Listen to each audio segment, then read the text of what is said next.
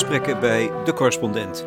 Ditmaal met Bas Kosters, modevormgever, ja. En beeldend kunstenaar, goeroe, kind, verzamelaar, wat nog? Kan je iets vinden, Bas? Nou, nee. Eigenlijk is het niet zo succesvol vandaag. Komt, hoe komt dat? Ja, weet ik niet. Veel spullen die ik al heb gezien. Ik heb ook al veel spullen. Dus uh, de, de schat van de dag is nog niet gevonden. Je hebt nog even. nou ja, ik heb het ook allemaal al gezien. Dus, uh, som... Waar zoek je dan naar nu? Nu, nou, en naar inspiratie en naar schatten om te koesteren. Ja. ik heb wel een hele lieve beer gezien, maar daar twijfel ik nog een beetje over. Ja. Staat hier voor je neus? Nee, staat, hier... hij staat hier. Kijk. Oké. Dat is een heel klein beertje. Een heel klein beertje.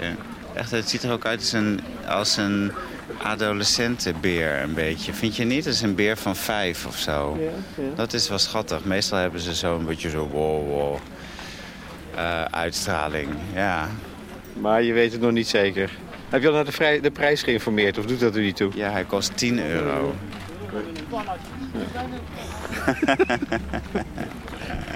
maar ik heb al wel een stuk of 6, 7 van dit soort formaat... heel erg aandoenlijke beren op de eettafel zitten. Ja. Dus ik denk dat dat een beetje aangeeft... Hmm, misschien niet. Ik proef te veel twijfel. Ja, toch? Nou ja. Ik zag net wel iets wat ik dan wel graag had willen hebben. Dat was een heel klein aapje van Stijf. Maar die was dan weer heel erg beschadigd. En dan net voorbij charmant. Dan kan het weer niet. Nee, dat, dan was de wil er wel. Maar dan gaat het om een andere reden weer niet door. Ja, ik zag wel net een prachtige robe hier van uh, Fong Leng, daar bij die kraam. Ik denk dat die verkocht is aan een uh, toerist. Oké. Okay. Dat was wel leuk om te zien. De verzamelaar is dit, hè? De verzamelaar Bas Kosters. ja, ja, dat is het uitstekende omschrijving. Kijk, hier ga ik nog heel even kijken bij deze kraam. Yes. Kraam met antiek glaswerk, sieraden. Ja. Oh, je hebt een speciale afspraak nu. Nou, ik wou even een ring bekijken. Maar het was een beetje druk. Een doos met sieraden gaat open. Schitterende stenen zijn het wel, hè? Ja, dit is net snoepgoed. Je weet precies wat je wil. Ja, ja. Wat wil je dan? Nou, gewoon iets moois nog voor hierbij zo. Je wijst nu, je kijkt nu naar je handen. Daar zitten ongeveer 15 ringen om. ja. ja. Is nooit genoeg ook? Nee, nee. nooit genoeg, nee. Ja, de oor en de oren. De oorringen zijn er ook vijf aan deze kant. Ja, en knopjes. Heel veel. Ik ben een soort uh, piraat, zou je zeggen. Hmm. Oké. Okay. Bedankt, hè. Bedankt voor uw tijd. Fijne dag. Jammer. Ja, maar niet getreurd. je bent ook heel, je, bent, je ziet het snel, maar je bent ook geduldig dus, begrijp ik. Ja, nou, soms niet. Maar als ik, zoals vandaag, dan ga ik naar de markt en dan weet ik dat. En dan ben ik wel een beetje onrustig.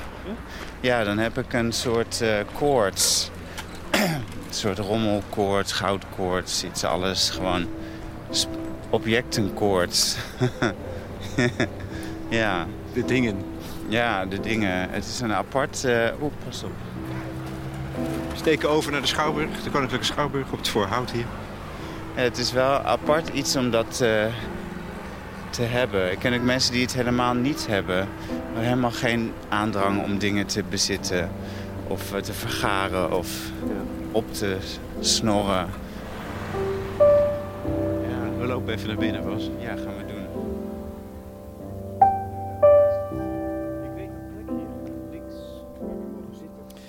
Zondagochtend 1 mei. Na een bezoek aan de Haagse Antiekmarkt betreden wij de Koninklijke Schouwburg. Hij zal er een paar uur later gaan optreden als hoofdpersoon van De Grote Kunstshow. Dat is een project van Lucas de Man en Johan Idema. Die in het theater een andere manier van kijken naar kunst aanbieden. En deze aflevering gaat dus over Bas Kosters, modeontwerper. Maar ook beeldend kunstenaar. Zijn terrein is breed. Mode is slechts één van de vele manieren waarop hij zich uitdrukt en gestalte geeft, letterlijk en figuurlijk, aan zijn visie op de mens. Wat is dat eigenlijk? Identiteit? Dat is het onderwerp. In ieder geval is het fluïde. Wie ben je? Hoe druk je jezelf uit in de openbare ruimte? Wat laat je zien? Hoe laat je jezelf zien?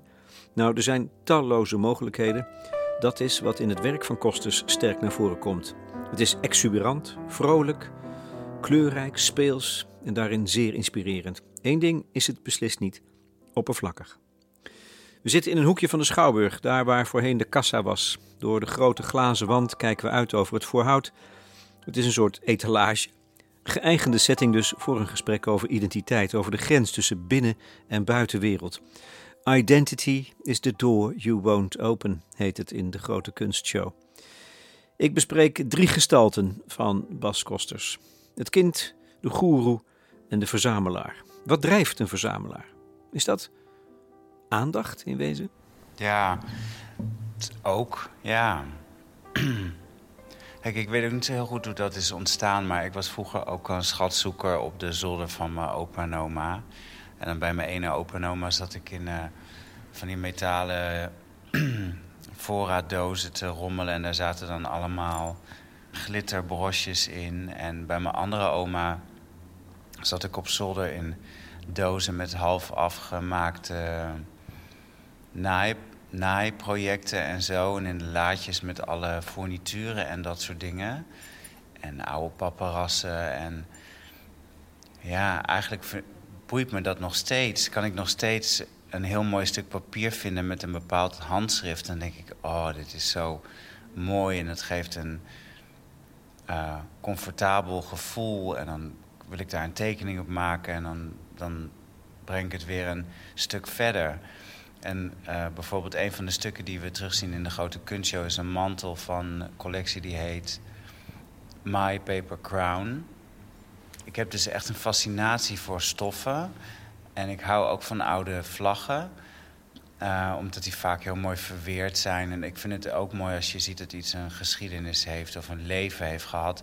En waarbij het materiaal ook een uniciteit bezit die een andere vlag weer niet heeft. En um, daarom koop ik ook eigenlijk zelden, ik koop het wel eens, maar niet heel vaak stoffen uit de stoffenwinkel of bij de groothandel. Ik doe het wel, soms kun je niet anders. Maar om, een, om iets te vinden wat dan zo verschoten is en eigenlijk zijn beste tijd heeft gehad. En dat karakter wat hij uitspreekt, dat geeft mij wel heel veel. Ja, daar kan ik me wel heel goed toe verhouden. En die mantel die dus in de grote kunstshow zit, die Sascha Bronwasser zo prachtig beschrijft, is een uh, patchwork mantel. Die we, dus we hebben een hele collectie gemaakt van vlaggen. We hebben eigenlijk eerst een seizoen lang met alle assistenten patchwork gemaakt. Dus allemaal blokjes en streepjes en driehoeken gesneden en aan elkaar gestikt totdat we lappen stof hadden. En hebben we een volgend seizoen hebben we daar uh, kledingstukken van gemaakt. En we waren heel lang bezig met dat proces van collectie maken. Eigenlijk langer als normaal. Ik denk wel anderhalf jaar in plaats van wat normaal is een half jaar. En dan op een gegeven moment heb je, ben je de ene moment ben je in een bepaalde atmosfeer qua inspiratie. Dat was de Rococo. En een ander moment dan ben je weer ineens ook terloops met een vluchtelingenproject bezig of zo. En dan is, was het, moest ik echt heel even goed zoeken wat nou, um, wat nou mijn verhaallijn was. Want eh, weet je, er is niet één manier om dingen te maken. Soms heb je een idee en dan werk je het uit. En soms werk je vanuit je intuïtie en dan daarna extraheer je het verhaal eigenlijk. Dan groeit het een beetje organisch of zo. Ja, en dat is ook heel fijn. Weet je, ik denk dat je ook heel goed als maker op je intuïtie kan vertrouwen. En toen ik op een gegeven moment een aantal soort van interesses had aangeraakt, maar ook die patchwork aan het maken was, dan dacht ik, Jezus, waar gaat dit nou over? en de conclusie was aandacht. Um, en dat is eigenlijk natuurlijk heel mooi. En het is ook wel grappig dat vroeger, toen ik net afstudeerde, stonden die verhalen eigenlijk veel meer op zichzelf. Denk ik, die verhalen rondom collecties of rondom projecten. Alhoewel, maar nu merk ik als ik iets uh, aanraak in een collectie of een project, dat het eigenlijk ook uh, zich nestelt in hoe ik me daarna beweeg. Dus ik heb een aantal jaar geleden een collectie gemaakt over hoop. En die is eigenlijk zo belangrijk geworden. Ehm, dat ik nu merk dat eigenlijk alle acties die ik onderneem ook dat gedachtegoed bevatten. En dat is denk ik met dat verhaal over aandacht ook. Sinds ik daar mijn licht heb op laten schijnen voor mijzelf, denk ik dat dat eigenlijk doorcijpelt in al mijn acties en stappen die ik daarna heb gezet. Dus dat is wel voor mijzelf ook heel boeiend om te merken dat die uh, aandacht nu dat onderwerp is aangewakkerd. En dat is nu een soort van uh, onderdeel geworden van ja, mijn, uh, wat ik breng ja. aan de wereld. Dat, dat is dus een element, dat wordt dus een element van je levenshouding. He, vanuit dat creatieve proces ontstaat zo'n aspect, denk ik. En overigens, die mantel is ook schitterend. He, gemaakt uit oude, oude vlaggen. Uh, op een slinkse manier bekomen trouwens. Dat, vond ik, dat, dat werd ook prijsgegeven. nee, ik heb ze gewoon gekocht hoor.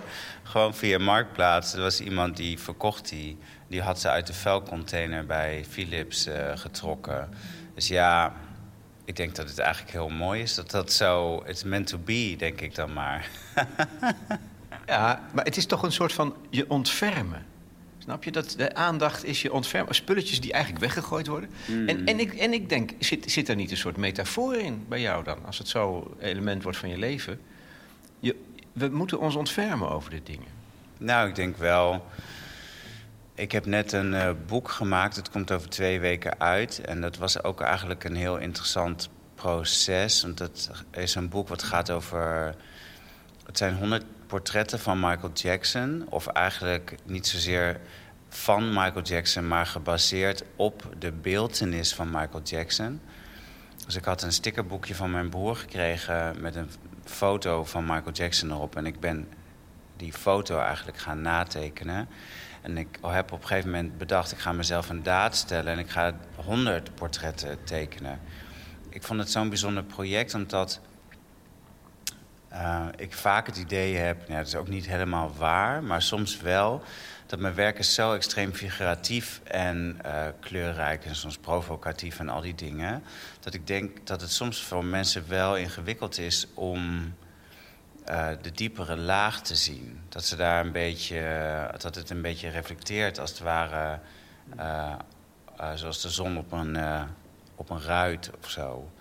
Dus um, en toen merkte ik dat ik met het tekenen van die Michael Jackson portretten eigenlijk iets had aangeraakt waarin ik ook zelf uh, nog meer overtuigd raakte van ja, de rijkwijde of de soort van intentie van wat ik doe, die uh, ook overstijgt uh, die normale onderwerpen die ik dan soms kies of de beeldtaal. En dat vond ik zelf eigenlijk heel bijzonder. En uh, ja. En wat is dan die diepere laag voor jou? Nou, wat, ik heb dus het is heel leuk, want mijn broertje is schrijver. Ik heb, ben met hem een dialoog aangegaan over dit project. Ook een beetje toen ik wist dat ik hier een boek van wou maken. Voor, voor, naar mijn idee gaat het boek niet over Michael Jackson, maar gaat het over hoe we naar mensen kijken, hoe herkenbaarheid werkt, hoe beeldcultuur cultuur werkt. Wat, wat weet je van wat er in iemand omgaat misschien ook wel? Ja, je weet eigenlijk helemaal niks van hem. En dat is natuurlijk ook zo gek, want we kennen hem wel allemaal. We denken hem te kennen. En het hele spel over bekendheid en identiteit en maakbaarheid vind ik wel heel interessant. Wat ik dus ontdekte in dat boek, en wat mijn broer ook zo mooi aanstipte, is dat ik toch met die portretten daar al mijn liefdevolle aandacht aan heb gegeven. En eigenlijk vind ik dat ook heel erg uh, mooi, omdat ik daarmee de geportretteerde niet per se gecanceld heb.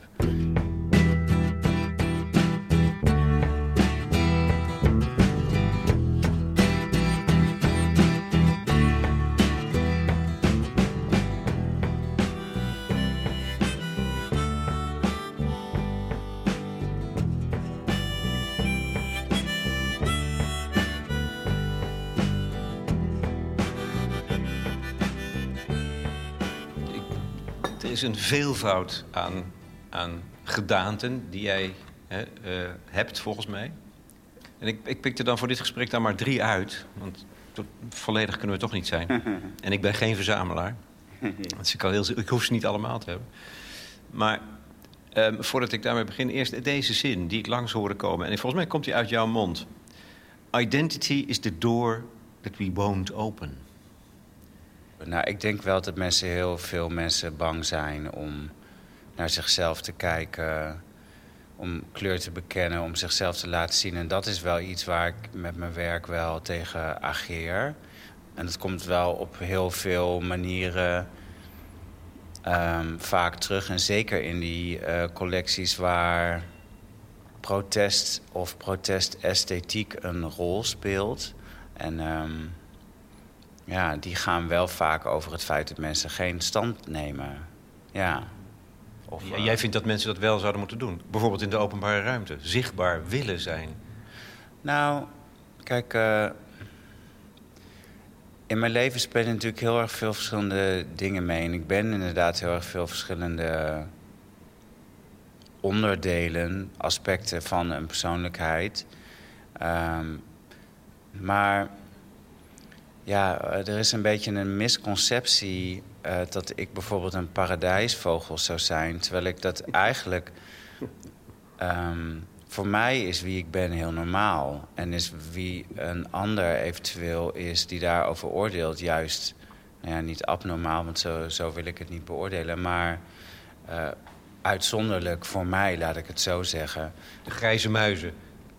Nou ja, dat vind ik ook een stomme term. Maar dat is natuurlijk wel zo ergens dat heel veel mensen um, geen kleur bekennen. Maar aan de andere kant ja, moet iedereen ook gewoon doen wat hij wil doen en uh, hoe, waar hij zich fijn bij voelt. Maar ik, krijg niet, ik word niet heel erg geprikkeld als ik uh, om me heen kijk in Nederland. Nee. Drie gestalten. Ja. De eerste is volgens, dat vind ik echt misschien wel de, nee, niet de mooiste, maar het meest in het oog lopend. En, en, en dat raakt dan meteen toch ook aan die diepere laag hoor. er is een oogverblindende buitenkant, overrompelend, kleurrijk, veelvormig, fluïde. Kan alle kanten op. Maar het is altijd een kind. oh ja. Um, ja, misschien is dat wel zo. Wat voor kind was jij in Zutphen? Nou, ja, volgens mij weet ik weet daar niet zo heel veel meer van. In de zin dat ik. Uh, ik heb vrij harmonieuze gedachten aan onze familiesituatie. Um, maar dat zou ook een defense mechanism kunnen zijn. Ik weet, mijn ouders hadden ook wel hun problemen en strubbelingen. En ik heb wel eens gemerkt in een dialoog met mijn broer bijvoorbeeld... Ja, dat ik misschien wel letterlijk uh, soms een beetje een roze bril op heb. Um, en ik denk dat daar wel heel veel dingen samenkomen. En dat ik in mijn werk dan uiteindelijk misschien ook wel probeer een soort bescherming te bieden of veiligheid voor mensen die zich kwetsbaar voelen of uh, die gevoelig zijn. Voel je een kind? Nee. Nee, maar ik voel me ook niet per se een volwassene of zo. Ik voel me gewoon wie ik ben. Nou ja, godzijdank. Inmiddels 45 jaar bijna, volgens mij. Nee, maar het kinderlijke in um, verbeelden mogen. Alles mag. je overgeven. Uh, eigenlijk ongeremd doen wat je wil. Dat, al die kwaliteiten die, die wij afleren als, als volwassenen. Ja, maar ik, de, ik weet dus niet of we dan moeten bezien of ik dan een groot kind ben.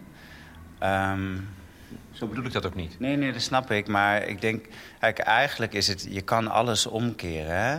Je zou kunnen vragen dat, of bedenken dat ongeremd zijn of je openstellen juist iets zou moeten zijn wat bij een bewust persoon past. En dus bij een volwassen fase van het leven. Uh, omdat dan de kracht daarvan nog veel evidenter is. Dus, dus misschien ben ik juist wel extreem volwassen.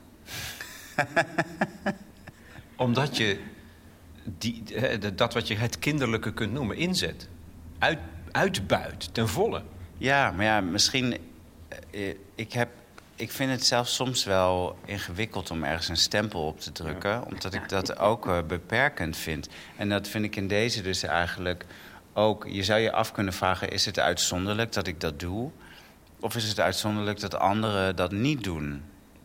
En in die zin... Uh... Wij, wij, worden gedisciplineerd. Ja. Dat, en daar is, ik lees er dus verzet in, hè, tegen dat proces. Ja, maar ja, eigenlijk is het dus misschien ook heel uh, kinderlijk om je gedisciplineerd te laten worden. Ja. ja jij draait het lekker om, hè? Ja, dat doe ik. ja, ik, mij raakt het juist. Hè? Dat is, de vrolijkheid zit hem daar onder andere in. In, in, in, in het speelse, gewoon het speelse. Ja.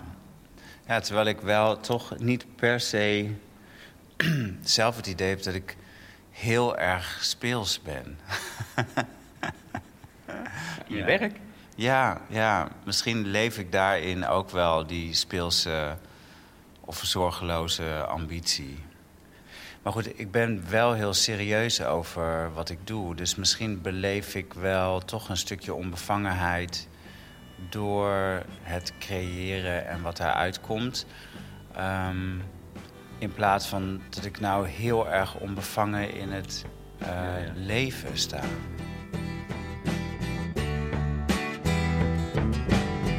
I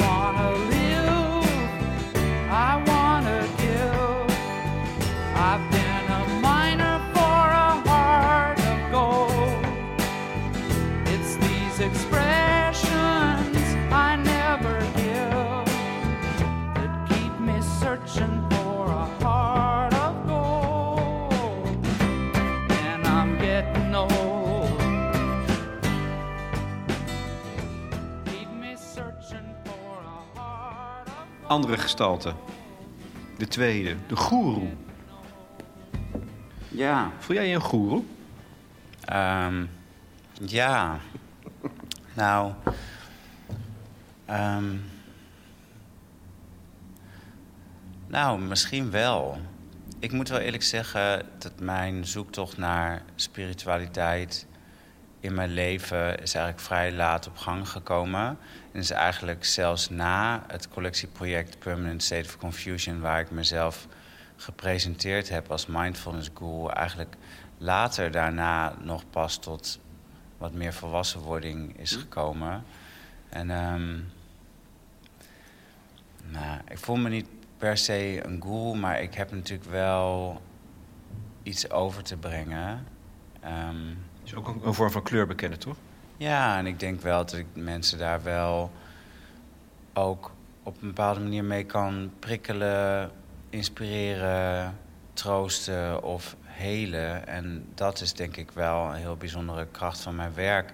En ik realiseer me wel steeds meer dat de energie die wij als uh, team geven aan projecten. Ik heb het gevoel dat het bijdraagt aan betere samenleving en misschien zelfs wel op een wat hoger niveau aan een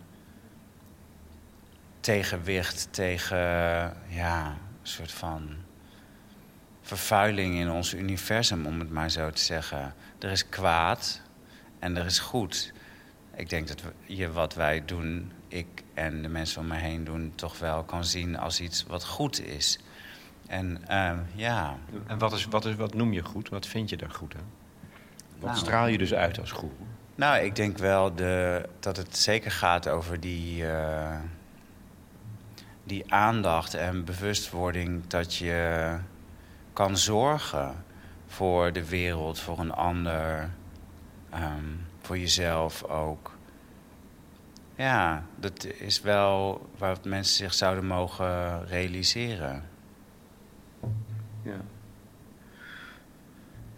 Het is een pleidooi voor zachtheid, denk ik. Ja, ook ja. Hou ik ook van.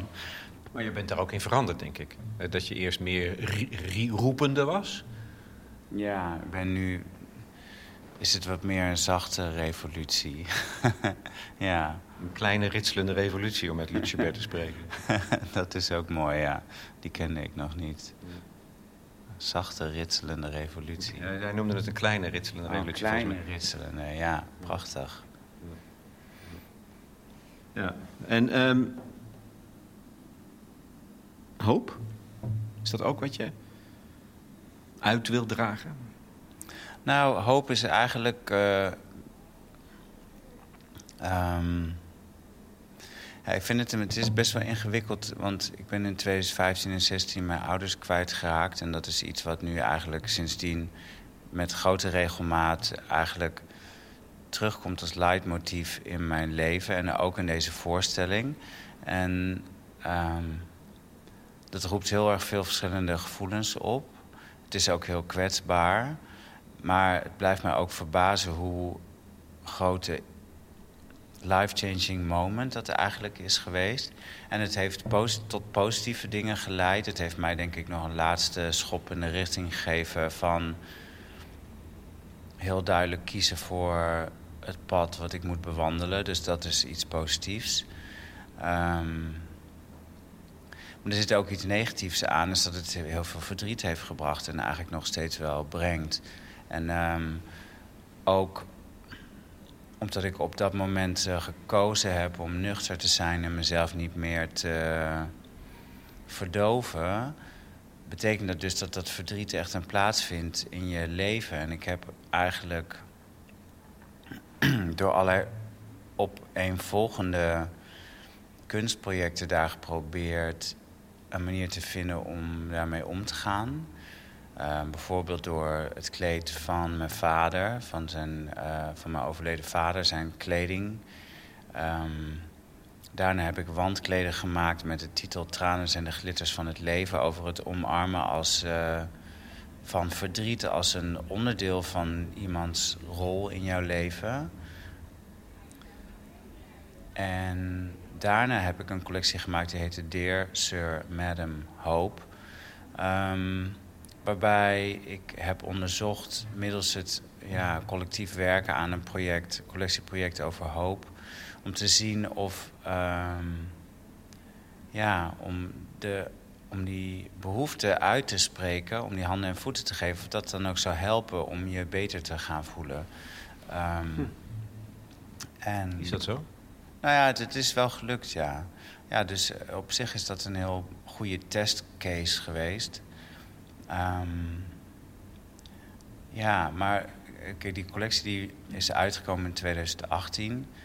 Uh, maar eigenlijk is die nog steeds heel actueel, omdat we ook tijdens corona en nu ook weer met een uh, oorlog waar we terloops toch veel mee te maken hebben. Um, terloops klinkt een beetje raar, maar waar we. Als toeschouwer zeggen. Ja, waar we mee te maken hebben. Denk dat hoop nog steeds een heel belangrijk onderwerp is. En ik denk vaak dat wat ik zelf uh, ja, aanraak, zodra ik dat in de wereld zet, dat het dan ook uh, iets is waar een ander iets mee kan. Ik had ook niet echt verwacht dat dat onderwerp van hoop actueel zou blijven. Voor mijzelf, maar ook voor anderen. Maar dat is, uh, ja, dat is dus wel zo. En, en hoop is een soort daad. Mensen maken verschil tussen hoop en optimisme. En zeggen, ja, van die twee is hoop het belangrijkste of het waardevolst. Of echt een daad. Ja, nou, het grappige is... Uh, toen ik, over mijn, toen ik mijn ambitie uitsprak om een project over hoop te gaan doen... in een groep met vrienden, vond iemand dat heel erg uh, naïef. En daar was ik heel erg verbaasd over. En het heeft me eigenlijk wel gemotiveerd om het wel te doen. Of die vond het passief. En toen dacht ik, dit is helemaal niet waar. En toen ben ik het dus wel gaan doen, dat project.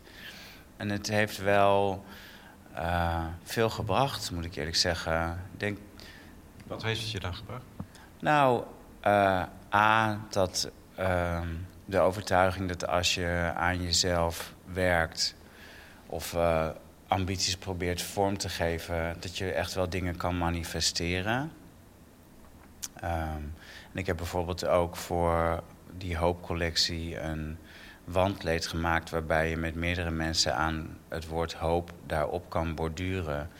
Um, en ik denk ook dat iemand daar eigenlijk in een heel kort moment toch zelf ook kan leren: oh ja, ik kan bijdragen, maar ik kan ook bijdragen aan mijn eigen ja, well-being, om het maar zo te zeggen.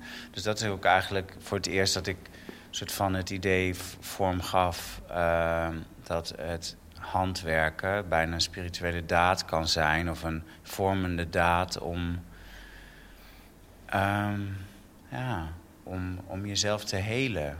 Ja, dat was wel echt wel een bijzonder project. We zijn nu bezig met een project over vreugde, een researchproject. Want ik voel me wel daadwerkelijk beter. Maar ik ben niet altijd laaiend gelukkig. En dat is nog wel een punt wat ik wil onderzoeken.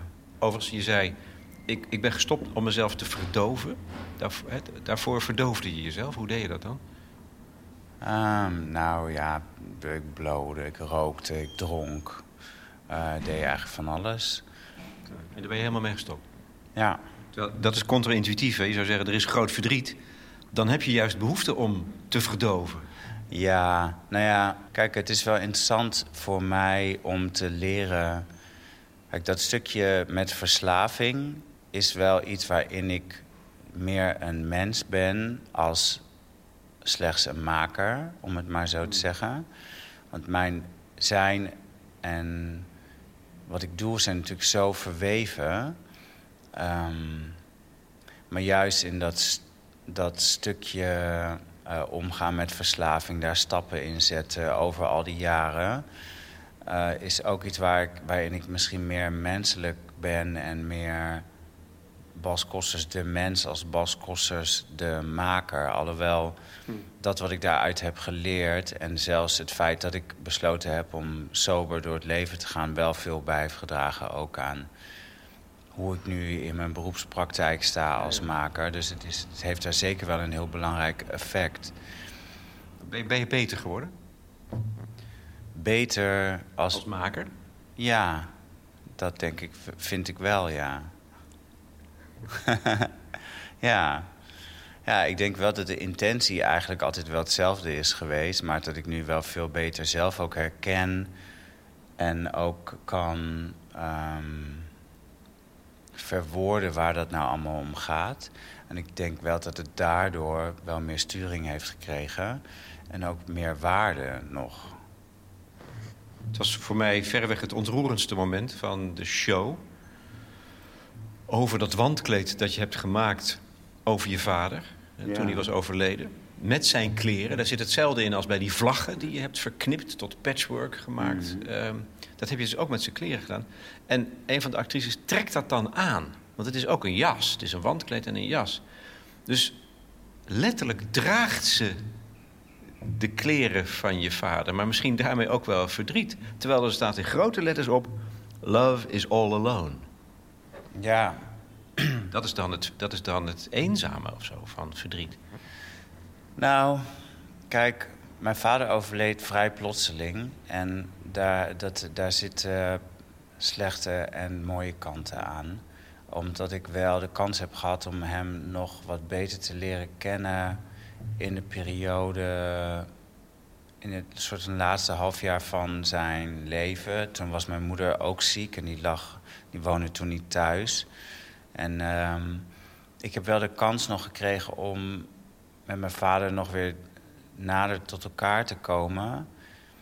En dat heeft me ook wel veel gegeven. Ja, en er staat niet alleen maar Love is all alone. Er staat ook Together all alone. Um, dus het, het, het kleed voor mij viert eigenlijk overdracht, weet je wel, wat je van je familie meekrijgt. Uh, wat je van vader op zoon uh, meekrijgt. Ik heb namelijk altijd het idee gehad dat ik heel erg op mijn moeder leek. En daar zitten positieve kanten aan, maar ook negatieve kanten. Maar eigenlijk heeft uh, het overleden van mijn vader mij wel met het neus op de feiten gedrukt... dat ik ook heel erg op hem leek. En dat was naast verdrietig ook eigenlijk heel bijzonder. En ook heeft mij dat wel... Kijk, en dat overlijden sowieso... Eh, om het in perspectief te plaatsen, dat je denkt... ja, misschien was ik al alleen toen hij nog leefde... is natuurlijk wrang, maar ook, kan ook verhelderend zijn. Uh, in de zin van, ja, misschien maakt dat het ook minder verdrietig. En uh, kan ook een, een steuntje in de rug zijn als je je niet connected voelt, om wat voor reden dan ook. Um, dat je in, in de basis sowieso alleen bent. En alles wat erbij komt, alle contacten en co connectivity, kan dan een plus zijn. En uh, ik heb sowieso een aparte, aparte relatie met eenzaamheid, moet ik eerlijk ja? zeggen. Ja, want er zit een serie tekeningen in de, in de kunstshow ook. En dat heet Looking for Map of Magic Place. Dat is een serie tekeningen die heb ik gemaakt tijdens een residentie in Japan. En ik was daar 2,5 maand alleen. Um, maar ik voelde me ook echt alleen. Maar dat was op zich ook niet per se alleen maar negatief. Er zit ook een bepaalde magie in, in die eenzaamheid. Die eenzaamheid functioneert voor mij ook als een bepaalde tool of zo. Dus ja, daar zit wel iets in wat boeiend is. Ja. Kracht ook, denk ik. Ja. Dus de, de, de drift om dan iets te gaan maken. Dus. Misschien wel.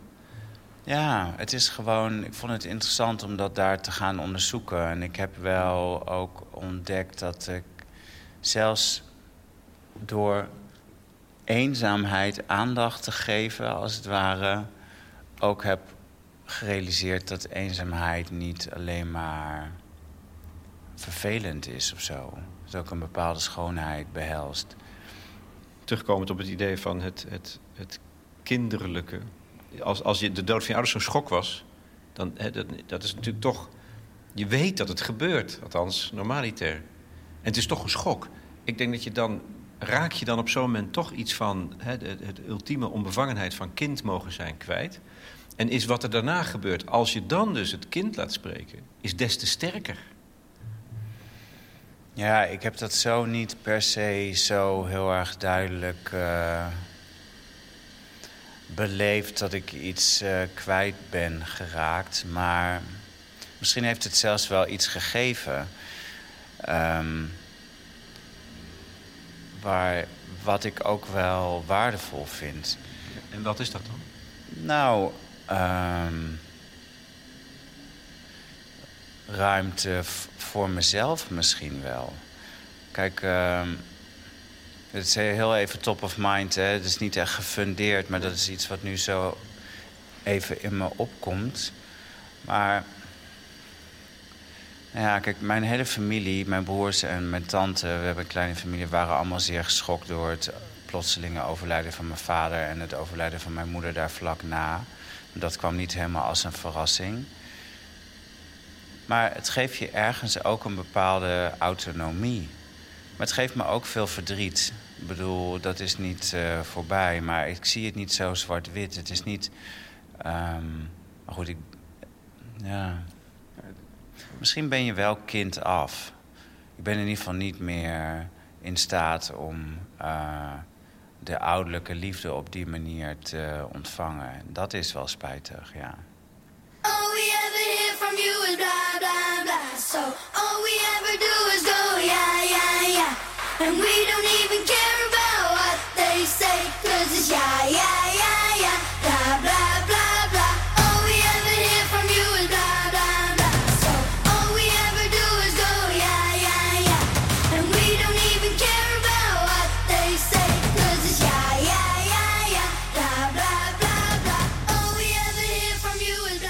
derde gestalte, Bas Kostes, is de verzamelaar. Maar daar hebben we het natuurlijk al over gehad. Maar ik, ik realiseer me dat er in, in al die, die, die drie zit misschien wel iets wat ik ook heel mooi vind. En dat gaat over het vermogen om te relativeren. En misschien is dat wel wat jouw werk ook zo sterk maakt. Ik denk dat het vermogen om te relativeren of ironie sterk is, maar dat jij dat eigenlijk niet doet in je werk. Nee, ik ben zelf. Als je zou vragen. Uh, of als ik mijn karakter zou moeten omschrijven, is relativeringsvermogen niet een van de dingen die ik zou aanstippen. Nee. Um, dus ik, ik, Ik denk dat mijn werk relativerend is in context tot de omgeving.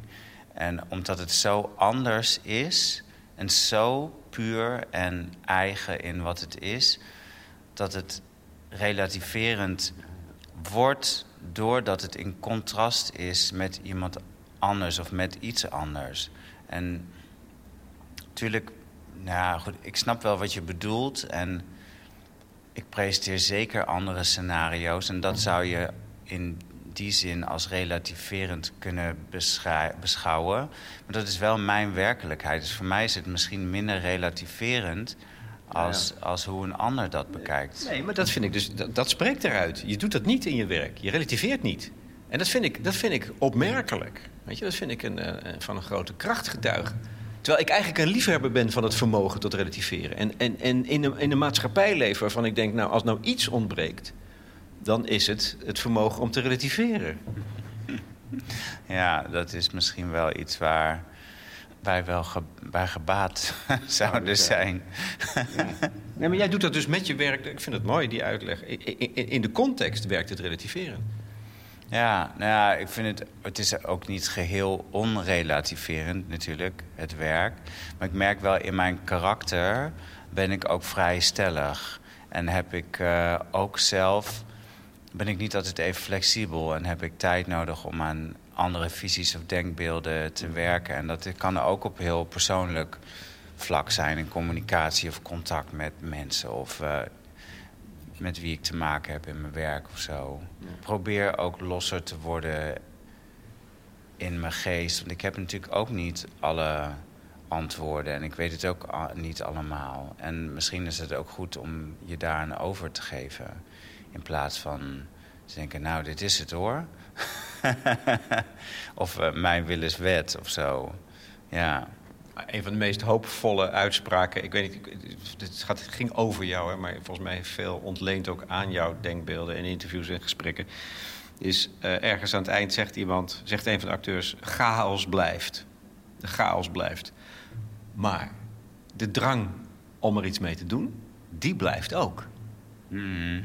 Ja, ja dat, dat komt uit de hoopscène, ja. Ja, ja, het is, ben wel, soms kan ik mezelf ook wel over mezelf verbazen. ja, dat ik toch. Uh, ja, ik ben misschien niet helemaal waar ik zou willen zijn als ik vroeger ambities had uitgesproken. Maar ik ben ook op plekken gekomen met mezelf. En dan niet zozeer letterlijk, maar meer figuurlijk wat ik zelf ook helemaal niet had voorzien. Dus in die zin ben ik eigenlijk best wel content met hoe het gaat en waar het heen gaat. En ja. heb ik ook wel veel zin om dat te continueren. Uh, ja, en ik bedoel, de wereld is een chaos. En we moeten blijven schakelen en manoeuvreren om, en flexibel blijven om daar ook mee om te gaan. Ja. Maar ik heb wel het gevoel dat ik daar wel steeds beter toe in staat ben. Om het te laten verlopen. Je, je gebruikt vaak graag het woord intuïtie. Ja. Intuïtie, intuïtie is leidend. Ja, ja. Dat is een heel, fascin heel fascinerend ding, hè, vind ik, intuïtie. Ja, het, het gaat niet alleen maar over intuïtie. Het gaat ook over overgave, denk ik. Ja.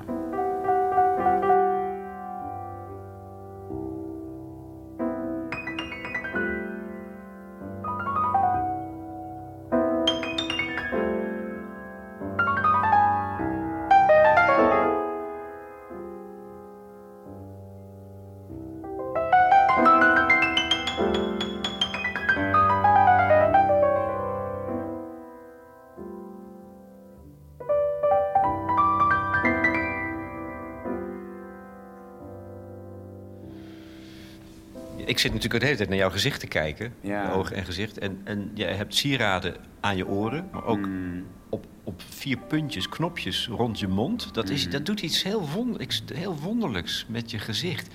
Bijna alsof het ook, en zo heb ik het niet ervaren, maar ook een, iets van een masker heeft. Snap je? Dat het, Dat is een, het, het, het woord heeft, heeft, misschien een negatieve connotatie, want dat ervaar, ervaar ik helemaal niet zo. Maar dat is juist waarom het zo verwarrend is ook.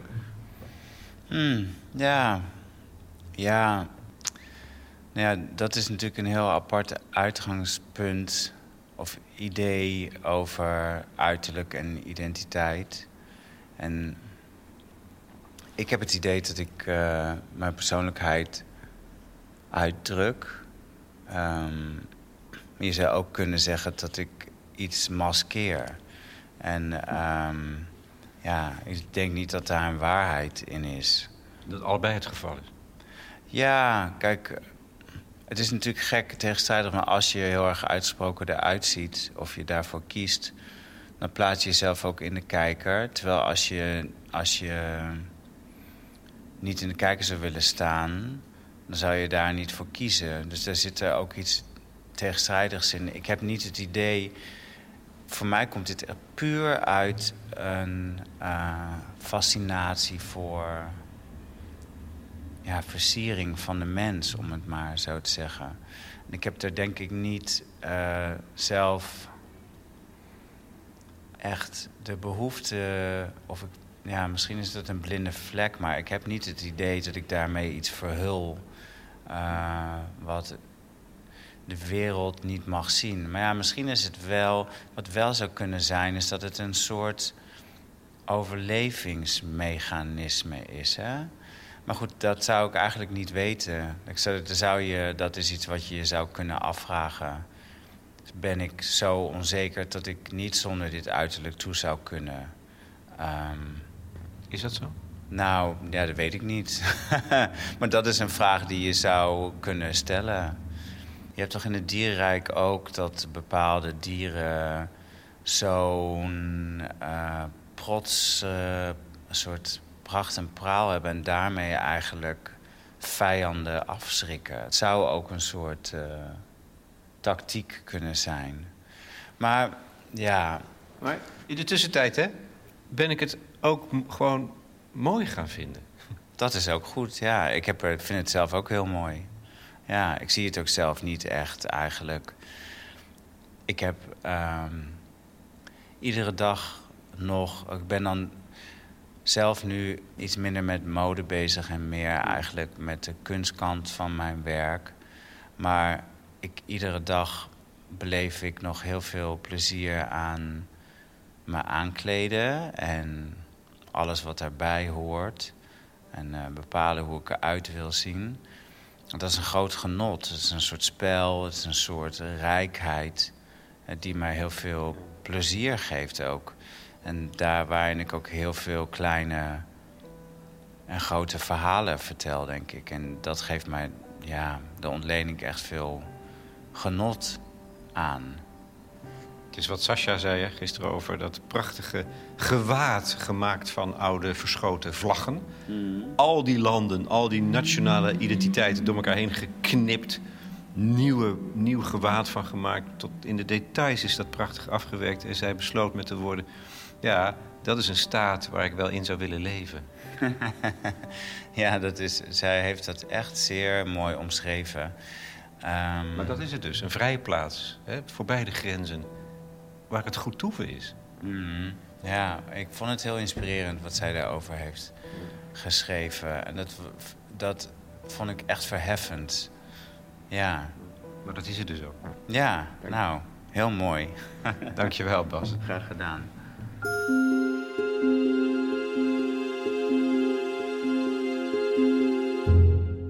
Bas Kosters in gesprek met Lex Bolmeijer voor de correspondent. De aanleiding was zijn optreden in De Grote Kunstshow. Een portret van zijn mode, zijn kunst, van hemzelf in alle verscheidenheid. Het goede nieuws is, er komt een boek aan. 100 MJ. 100 keer Michael Jackson. Of beter, Bas Kosters, die het gezicht van Michael Jackson 100 keer bestudeert met aandacht. Het wordt uitgebracht door zijn eigen studio. Intussen kunnen wij hierover doorpraten. Wat vinden jullie, leden van de correspondent, van het idee...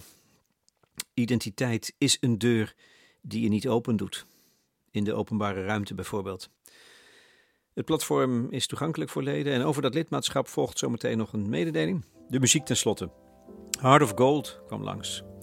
klassieker van Neil Young. Bla bla bla van Armin van Buren.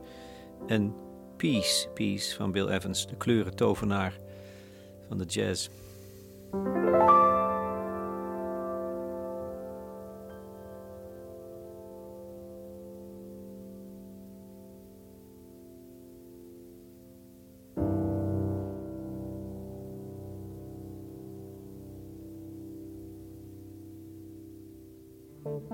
Het is de missie van de correspondent om voorbij de waan van de dag te gaan. Onze correspondenten voorzien het nieuws van context en schrijven over de grote thema's van deze tijd. De correspondent geeft me de vrijheid om mijn nieuwsgierigheid te volgen en de tijd om verhalen te schrijven. En zo probeer ik onzichtbare structuren zichtbaar te maken en een andere kijk te bieden op debatten die het nieuws domineren. Dan gaat het minder over het spelletje en veel meer over wat er op het spel staat. Vanaf dag 1 zijn onze artikelen, boeken en podcasts gefinancierd door onze leden. Volg ons op onze journalistieke zoektocht. Overweeg eens lid te worden van de correspondent. En maak daarmee samen met ruim 70.000 anderen onze onafhankelijke journalistiek mogelijk. Dus word lid van de correspondent. Ja. Word lid. Word lid.